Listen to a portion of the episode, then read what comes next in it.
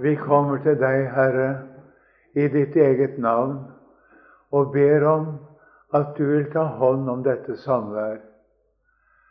At du, Herre, vil tale til oss. At det blir ditt ord som gjør sin gjerning. Herre, vi har ingenting selv, og vi er ikke verd noe selv. Men vi har lett for å tro det om oss selv, at vi kan gjøre noe, at vi kan være noe, at vi kan utrette noe. Herre, det har vi altfor lett for å tro. Gi oss den nåde nå at vi ikke tror på oss selv, på våre egne gjerninger, på det vi kan utrette, men at vi får lov å regne med deg, Jesus. Og jeg ber om det, at du vil tale, og du vil gi oss ditt ord, og at du vil fullføre din gjerning som du har med hver enkelt av oss. Herre, jeg ber om dette i ditt velsignede navn. Så er det to stykker Jeg husker ikke navnene på dem. Det er to som jeg spesielt vil be for, og du vet hvem de er, Herre. Det er en, en dame som ligger for døden og har angst, som jeg ber at du må gi din frelse til, så hun blir frelst før hun forlater denne verden. Og så er det en mann som ikke bekjenner seg som kristen i det hele tatt, men heller er en motstander av deg. Jeg ber at du må overvinne hans motstand og vinne hans hjerte for deg, så han får lov å tjene deg, Jesus, istedenfor denne verden og sjelefienden. Så ber jeg at du vil ta deg av oss, Herre. Du ser hver enkelt av oss. Du kan være Vi har noen spesielle vanskeligheter, noen hver. Men du vet om det, og det er lagt i dine hender, i ditt navn. Amen. Det er to sendebrev i Johannes' åpenbaring som vi skal stanse litt for nå. Det er det første sendebrevet, og det er det sjette sendebrevet. Det er altså sendebrevene henholdsvis til Efesus og til Philadelphia. Nå skal vi lese fra Johannes' åpenbaring, da, fra kapittel 2 og vers 1 til 6 først. Der står det sånn i Jesu navn. Skriv til engelen for menigheten i Efesus. Dette sier Han som holder de syv stjerner i sin høyre hånd. Han som går midt imellom de syv lysestaker av gull. Jeg vet om dine gjerninger og ditt arbeid, og at din utholdenhet, at du ikke kan tåle de onde, du har prøvd dem som sier at de er apostler, og ikke er det. Og du har funnet at de er løgnere. Og du har Ja, hva heter det Ikke utholdenhet, men Hva? Hva? Nei, det er ikke tålmodighet. Det er Jeg vet det godt, og så kommer jeg ikke på det. Det er um, Ja.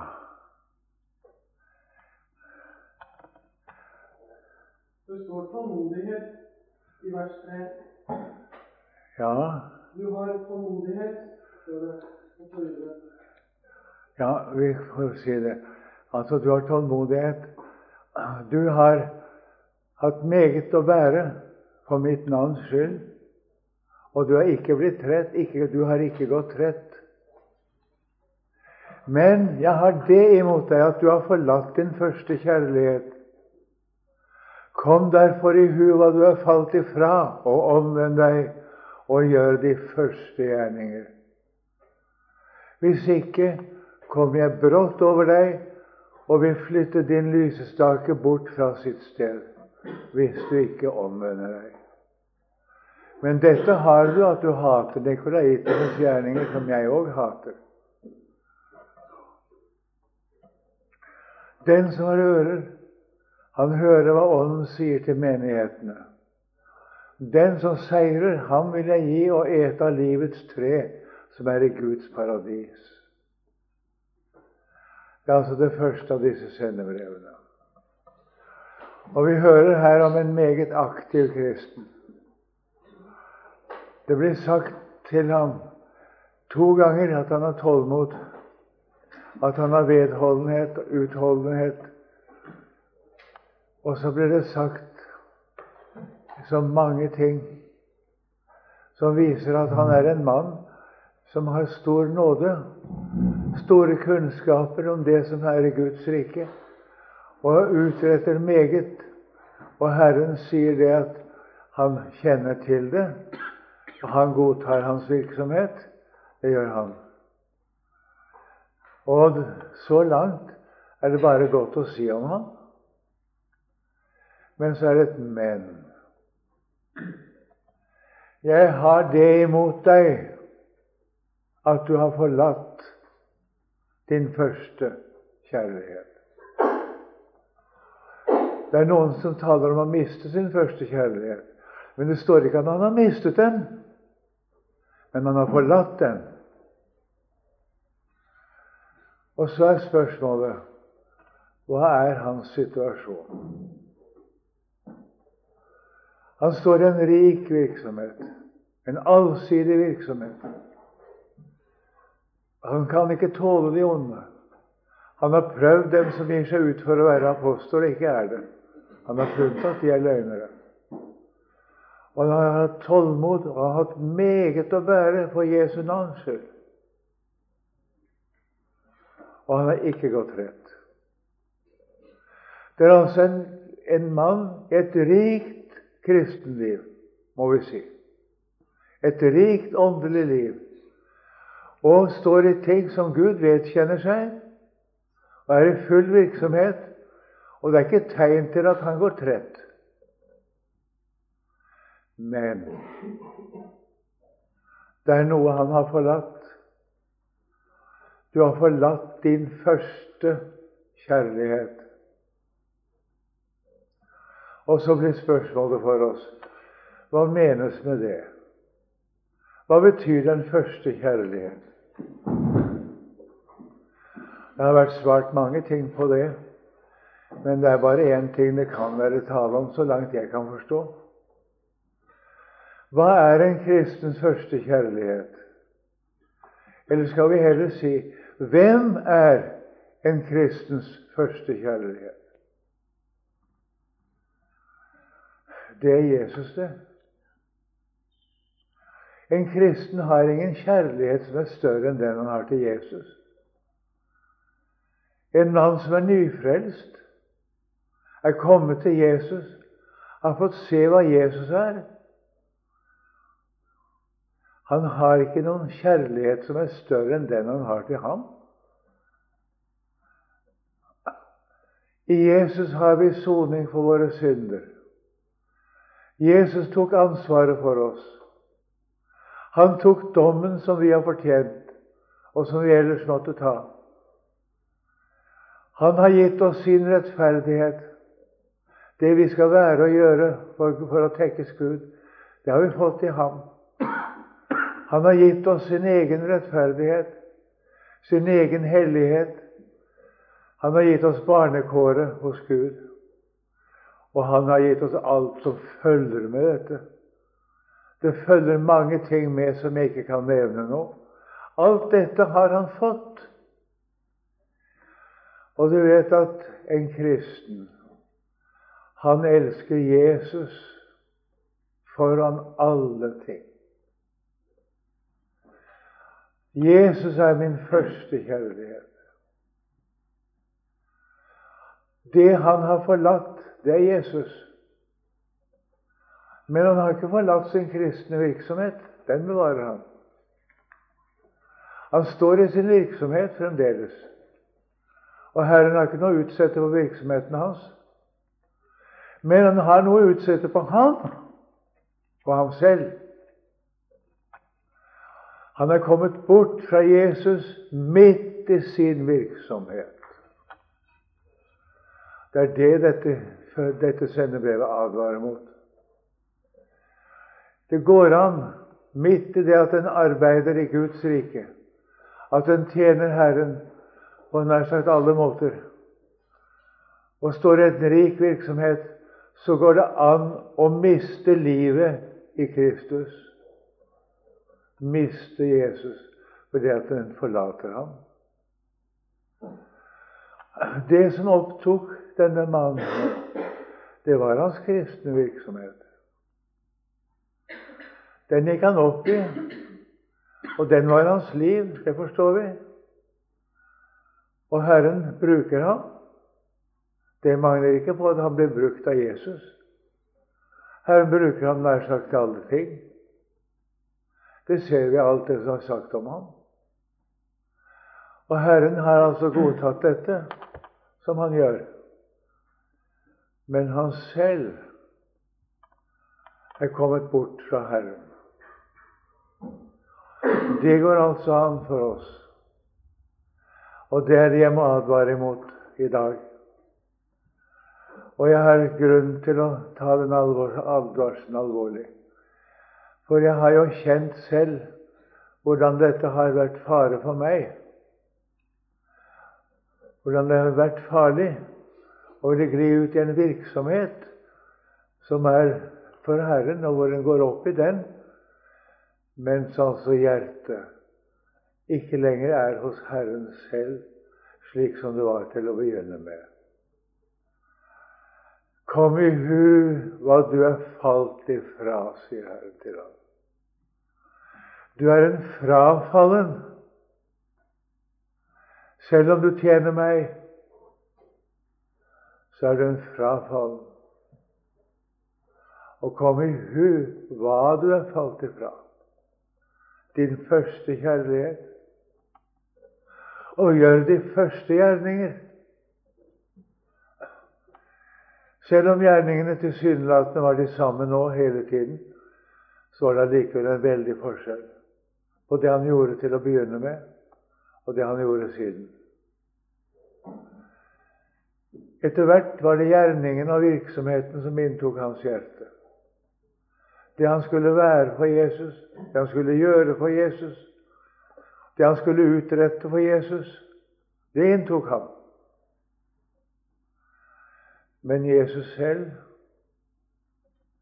var ikke lenger den samme for ham som han var til å begynne med. Det som han trengte, det var å komme i nød for sin synd. Komme på det punkt da en må få alt for intet for Jesus skyld. Da en ikke har noen trøst, ikke har noe å holde seg til uten Jesus selv og det han har gjort for oss. Det var kommet på avstand. Han ble altså bedt om å omvende seg. Og vi forstår at han har det løftet fra Herren at hvis han omvender seg, så vil Herren ikke gå i rette med ham. Og Herren vil ikke forlate ham da. Men hvis han ikke omvender seg, men fortsetter som han har det, så vil jeg komme over deg brått. Uventet vil jeg komme over deg og flytte din lysestake bort fra sitt sted. Hvis du ikke omvender deg, sier han. Det er altså det som er budskapet til den i den stilling. Og det er budskapet til alle som står i en tjeneste i Herrens rike. Hvem er det du tjener? Hvorfor står du der? Er det fordi du elsker Jesus? er det fordi Han er din første kjærlighet.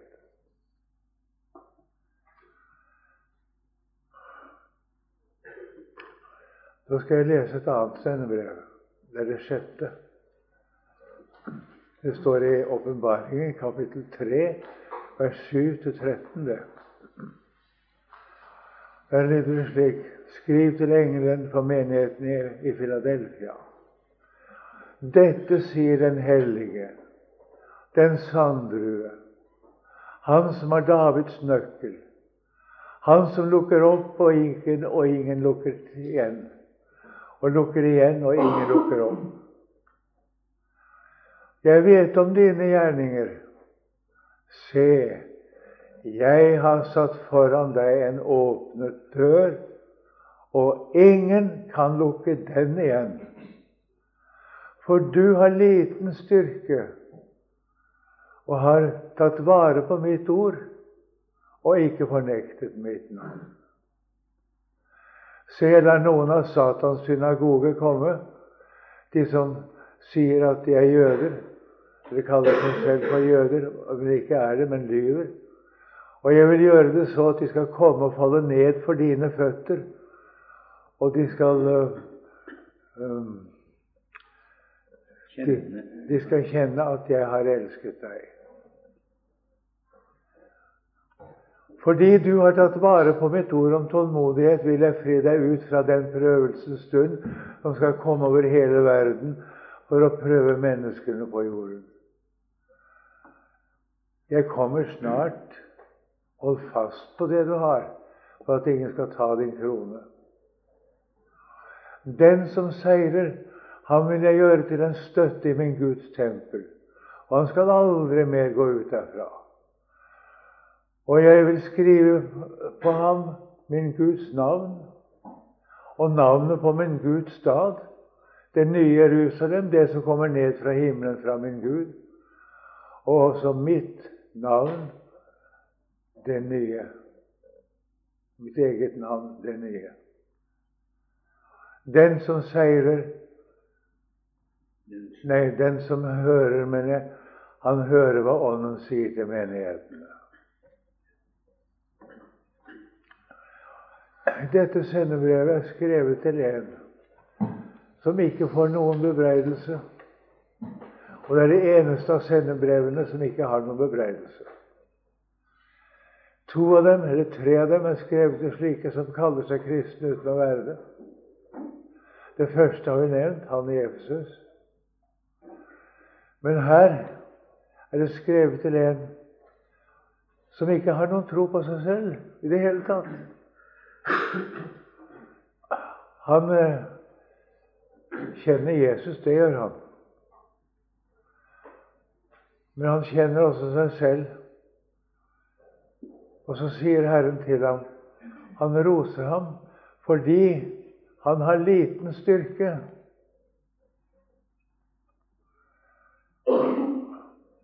Jeg har satt foran deg en åpnet dør, sier Herren.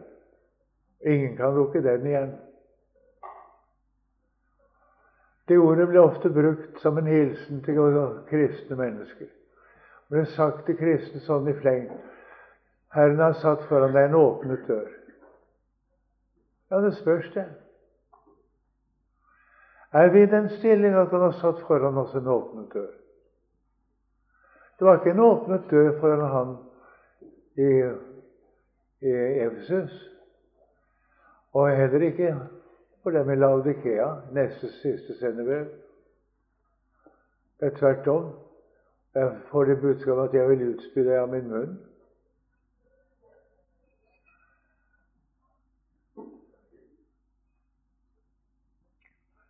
Han i Philadelphia, han ser seg selv han vet med seg selv 'Jeg har ingen styrke'. Han har ingen erfaring som kan hjelpe ham, men sannsynlig er at han har rike erfaringer i samfunnet med Jesus. Det vet vi han har. Men det er ikke noe hjelp i det. Han er like fattig. Han er like hjelpeløs. Han står like fast. Han er like avhengig av Jesus som første gang han kom. Han er kanskje mer avhengig av ham enn da. Du har liten styrke. Det er sagt som en anerkjennelse og som en ros. Vi oppfatter det som noe negativt. Tenk at en kristen har liten styrke. Det er da negativt. Vi skal da være sterke i Herren og i Hans veldes kraft, som det står. Ja, det skal vi. Men den som er det, han har svært lite tro på sin egen styrke. Den som er sterk i Herren, han kjenner seg meget svak i seg selv. Han vet det, at han har liten styrke. Og det er ikke mange bekjennende kristne som virkelig vet det i dag, etter det vi skal dømme om hva vi kan se og høre, hva de sier om hva de skal gjøre og være. Han taler ikke meget om hva han skal være selv. Men Herren sier det, 'Jeg har satt foran deg en åpnet dør, og ingen kan lukke den til'. Ingen kunne gjøre ham noe. Ingen kunne hindre ham. Herren har satt foran en åpnet dør. Vi forstår det av den uttrykket at døren var ikke åpen til å begynne med, men den er åpnet av Herren. Herren har åpnet en dør i sin frelse, i sin forsoning, i det at Han har tatt bort våre synder, i det at Han selv tok den dom som vi har fortjent, i det Han er blitt for oss, i det Han vil være for oss, og det Han fremdeles vil gjøre for oss, osv. Han er en åpnet dør. Han har selv åpnet den, og den kan ingen lukke til. Og så er det slik med deg at du har ingen kraft. Du må bekjenne det at du har ingen kraft. Men det er sikkert at Guds ord, det tar du vare på. Det henger du fast ved. Herrens ord er selve livet for deg. Og det må du ha. Og så kan du ikke fornekte Jesu navn.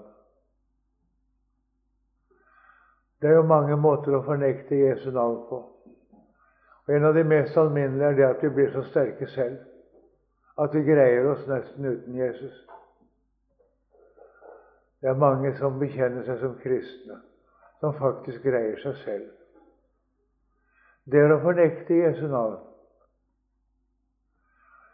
Og så står vi overfor motstandere som vil ha oss til å fornekte Herren. Men det biter ikke på den som er i denne stilling. Han har sin styrke i Jesus selv. Jesus er hans ære. Jesus er selve livet for ham.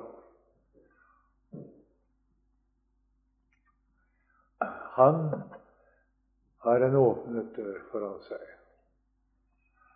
Og han kommer til å møte Satan. Satans tjenere kommer til å møte en slik. Og det sørger Herren for, det, står det. Men de kommer ikke til å gjøre ham noe.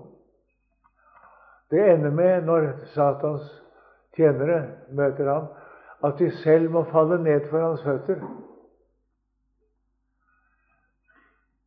Og det hender at de blir omvendt.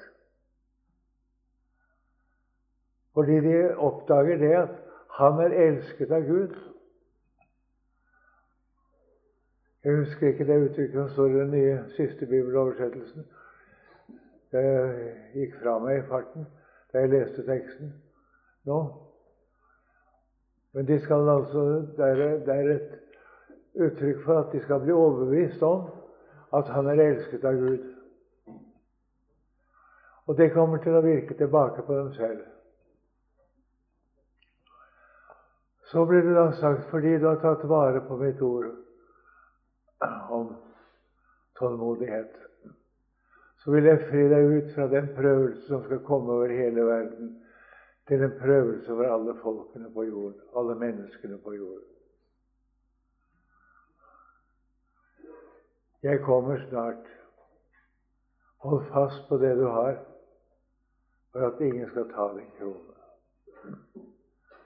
Hva er det vi har? Vi har Jesus. Vi har Hans verk. Vi har Hans frelse. Vi har Hans forsoning. Vi har Hans rettferdighet. Det er Gud selv som har gitt oss det. Vi har alt det Gud har gitt oss i Jesus. Og det er det vi blir bedt om å holde fast ved. Det er sterke krefter på ferde for å få oss bort fra dette. Men det lykkes ikke så sant vi har lært å kjenne oss selv Å kjenne vår fattigdom, vår mangel på styrke, og hvor avhengig vi er av Jesus.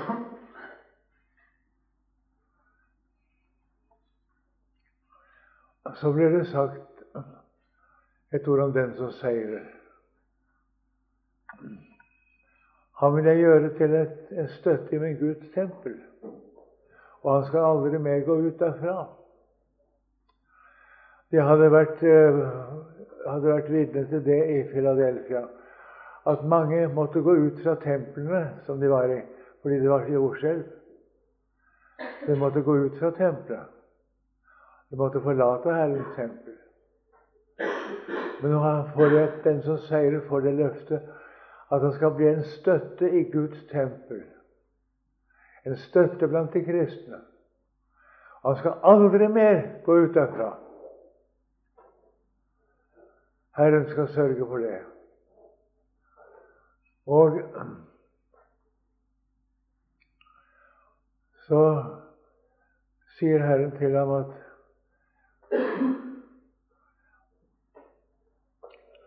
det han eier i Herren, det skal han få lov å trøste seg med hele livet. Og vil skrive sin Guds navn på ham. Og navnet på Guds stad og det nye Jerusalem, det som kommer ned fra himmelen, fra min Gud. Og så mitt navn vil jeg skrive på ham. Det navnet kjenner vi ikke ennå. Det nye det skal bli skrevet på ham. Det er veldige løfter. Og det blir slik for den som har alt i Jesus. Ja, dette var i all enkelhet det som jeg hadde å bære frem i dag.